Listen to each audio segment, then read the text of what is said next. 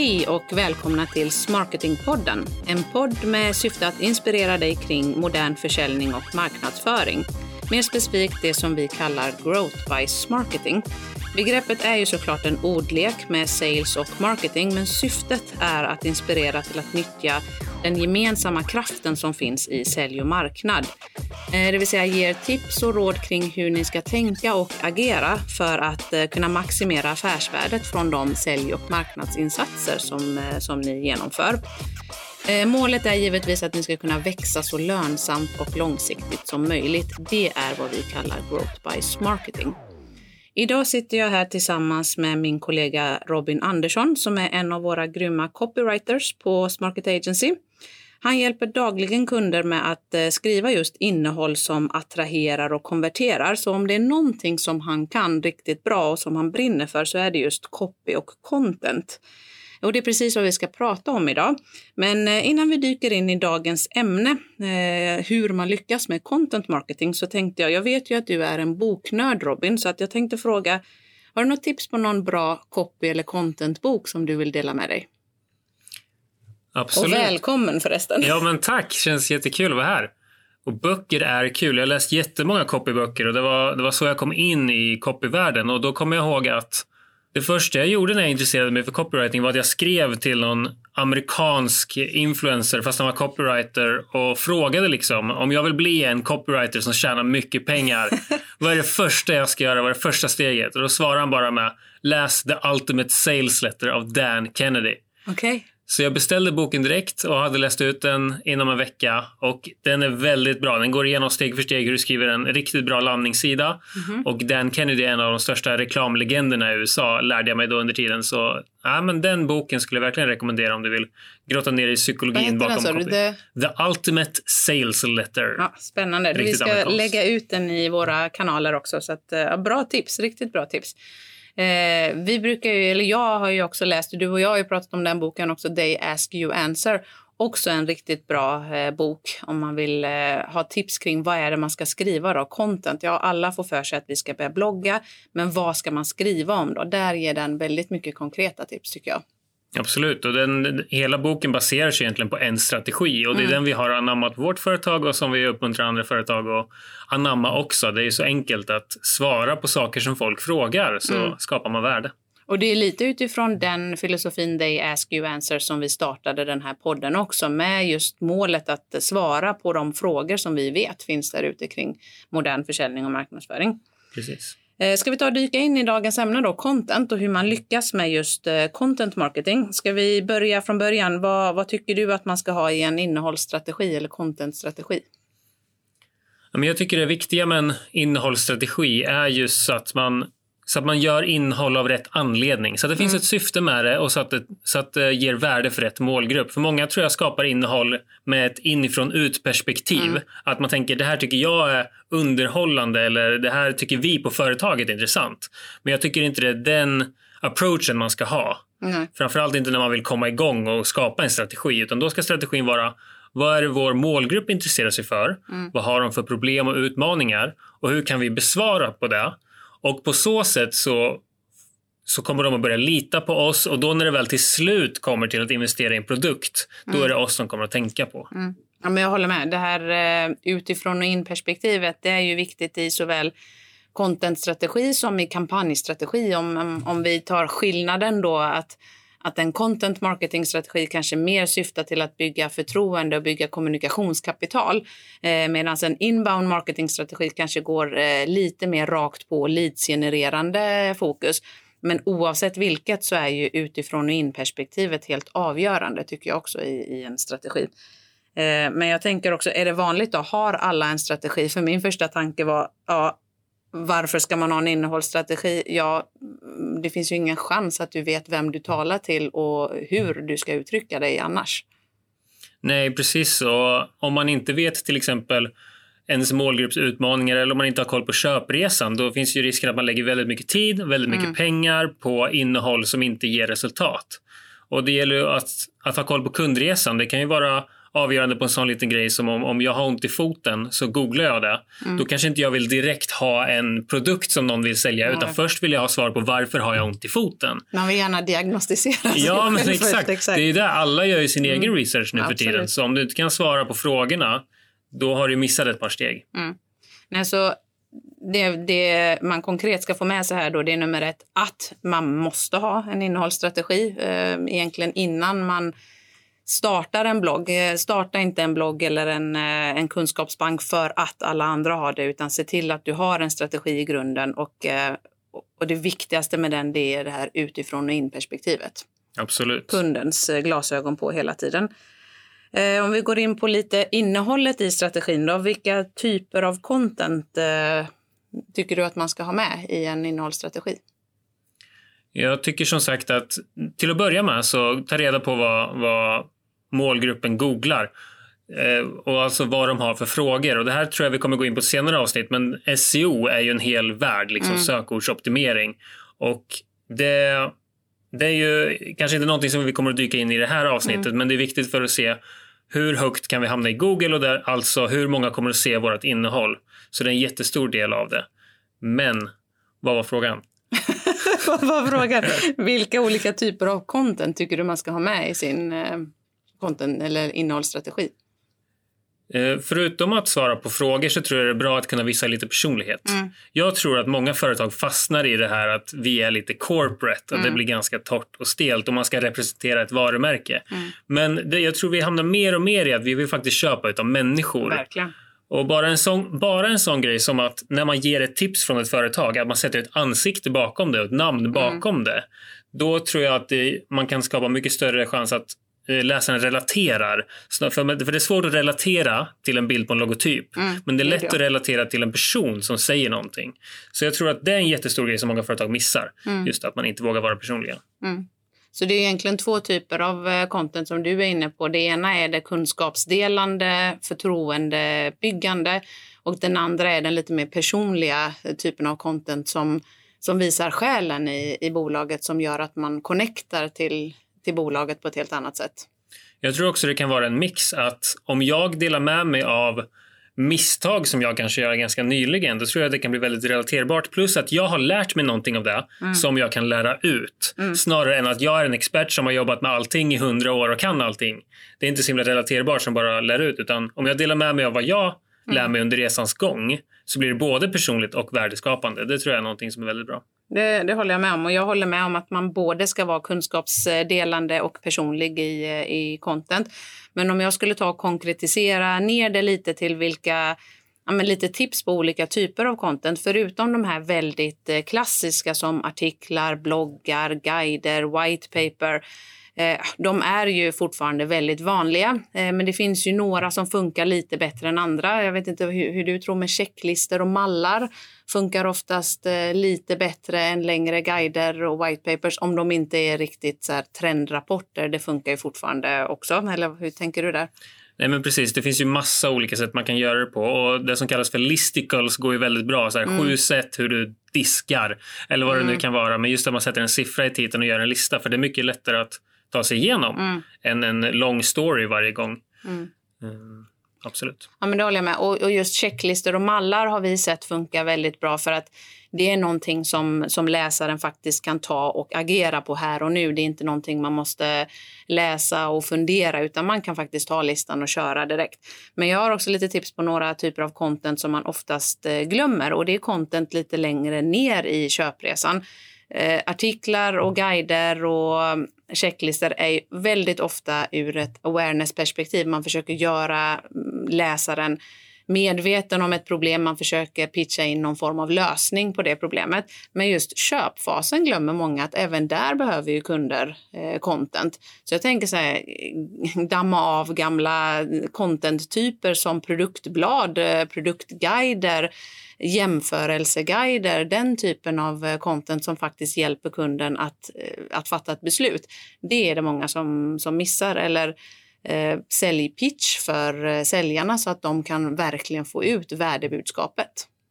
Det finns ju vissa företag som är väldigt självsäkra på det sättet att de vågar jämföra sig med andra Mm. företag. Alltså till exempel Canon vågar jämföra sig med Nikon när det Mm. gäller kameror. Och det visar på självförtroende och också att man låter köparen ta beslutet snarare Mm. än att jag ska trycka ner ett beslut i halsen på dig så får du ta beslutet liksom, och jag ger dig alla alternativen. Ja. Och det ger också ett större förtroende för att det visar att jag inte döljer någonting. Precis. Och sen precis som du säger så tror jag att om man kan visa till exempel med ett produktblad en demo på hur produkten funkar så vågar man investera i din produkt för då vet man hur det fungerar. Man vill ju inte investera i någonting som man är osäker på. Nej. Så tydlighet vinner alltid i längden. Mm. Ja, men, eh, jag tror det. Och jag tror att så det konkreta man tar, vi tar med oss från den här punkten då, ha eh, content som både visar personlighet och som eh, visar på kompetens och erfarenhet. Dela med dig av erfarenhet, eh, men också se till att man har eh, content i alla olika eh, faser av köpresan.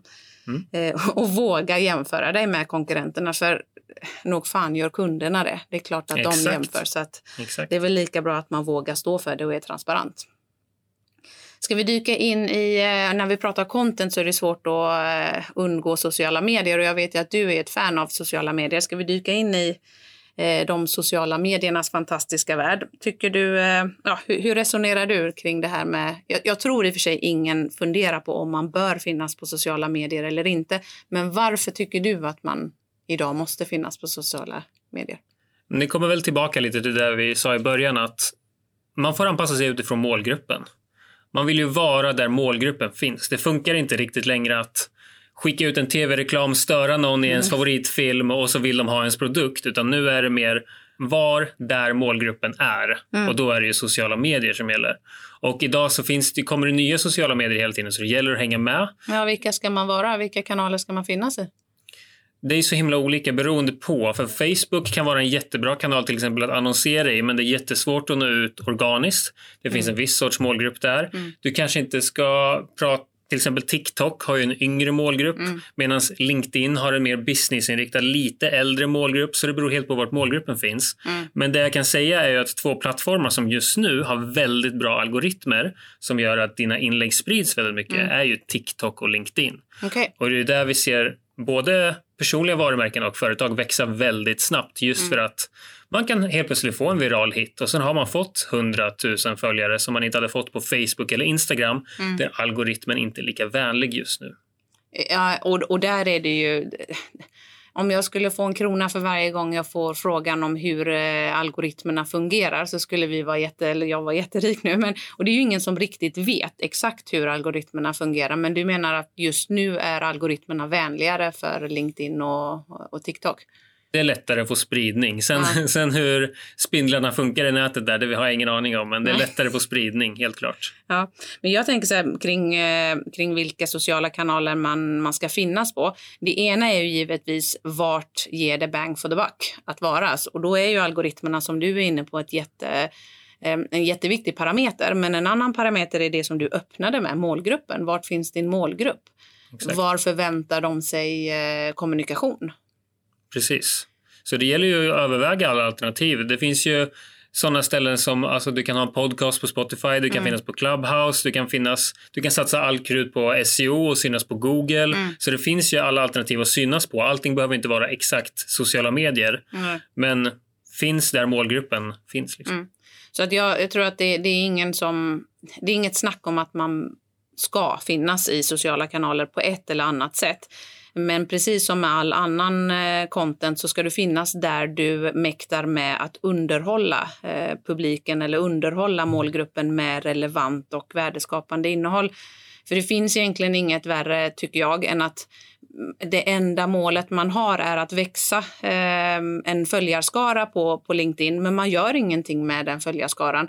Jag hade den diskussionen med en kund för någon vecka sedan där de sa att målet var att gå från 100, de hade 100 följare nu, till 1000 följare.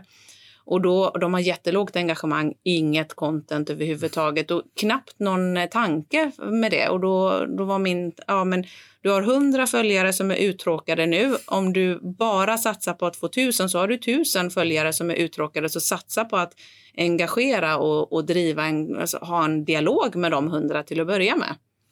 Ja, absolut. Och risken när man vill bara jaga en siffra, det är att man gör innehåll som kanske engagerar mycket mm. och kanske skapar följare, men är det rätt sorts följare? Nej, För om du är på LinkedIn till exempel, då lär du ha ett mål med vilka du vill nå ut till, vilka som kan vara potentiella kunder. Mm. Men om du får hundra stycken som inte är kunder, vad är det egentligen värt då? Nej, precis. Och då är du inne på en jätteintressant fråga kring just eh, vanliga misstag. Vad skulle du säga är de vanliga eh, misstagen som, eh, som begås när man skriver innehåll som företag framför allt? Vi har ju varit inne på några, att det är ett inifrån ut perspektiv. Mm. Lite så här, kolla vad bra vi är, kolla vad vi har uppnått. Mm. Eh, kolla vem vi har anställt, kolla vilka partners vi har och då ska jag vara noga med att säga att det finns absolut plats för sådana inlägg. Ja. De bör finnas lite här och där, men för många företag är det 100 av innehållet. Ja, då faller ju. Ja, men exakt. Det är liksom det kan vara ett sätt att underhålla de trogna fansen du redan har. Mm. Men vill du vinna nya fans, då behöver du ju skapa värde för dem så att de kommer in. Mm. Sen när de börjar gilla dig, då kanske de kommer uppskatta de här och se vilka du anställer, vilka partners du har. Mm. Men det är inte så de kommer in. Nej. Så det skulle jag säga är ett misstag, att du pratar inifrån och ut. Mm. Samma sak med det här att att du inte vågar riktigt vara personlig. Och då kommer vi, om vi kommer in lite mer i tekniska, så tycker jag att väldigt många pratar med sitt branschspråk. Mm. Och det är ju så tråkigt att läsa inlägg på sociala medier där företag pratar sitt språk. Man ja. det kommer upp förkortningar som man inte förstår. Och det är så här, ja det kanske är jättekul för er att ha sådana här språk på fikarummet men mm. jag vill inte ha det i mitt LinkedIn-flöde. Så att kan vi bara Men ta är bort det, är alla... Det alltid, är det alltid fel att använda internt slang om det interna slanget är med målgruppen, tänker jag? Det argumentet hör jag ibland, att mm. så här, mm. men våra målgrupp förstår vad det här betyder. Mm. Men då är frågan, ja fast hur mycket har ni smalnat av er då? För det kan ju finnas de mm. som är intresserade av företaget, som är intresserade av ämnet, men som kanske inte har kommit in i språket än. Mm. Då har du helt plötsligt avgränsat dem. Mm. För om jag läser en text där jag inte förstår, då kommer jag känna mig dum och då kommer jag snarare känna att jag inte kommer att engagera mig i det företaget. Ja, ja men det är helt rätt. Använd om du känner att det verkligen är nödvändigt, men tänk på vilka du stänger ute då. Mm. Ja, men det har du helt, eh, helt rätt i. För jag tror att eh, ett argument är just det med vår målgrupp eh, förstår det här. Men samtidigt så tror jag att det är ett sätt att gömma sig bakom. För det är klart mycket svårare att skriva kort och koncist och faktiskt skriva, skriva läsbart. Att använda förkortningar och floskler som finns i branschen. Det är ju jättemycket lättare att få till en sån text än en kort, koncis och begriplig text eh, för alla. Att man, att man kan förklara även IT-text för en eh, femåring, det är mycket svårare än att faktiskt slänga sig med floskler. Och, så det, det kan ju vara en sån sak, att det är enkelt. Mm, det är en jättebra övning. Leta upp en femåring och diskutera lite IT och mm. se om de fattar, så vet du om du är på rätt spår.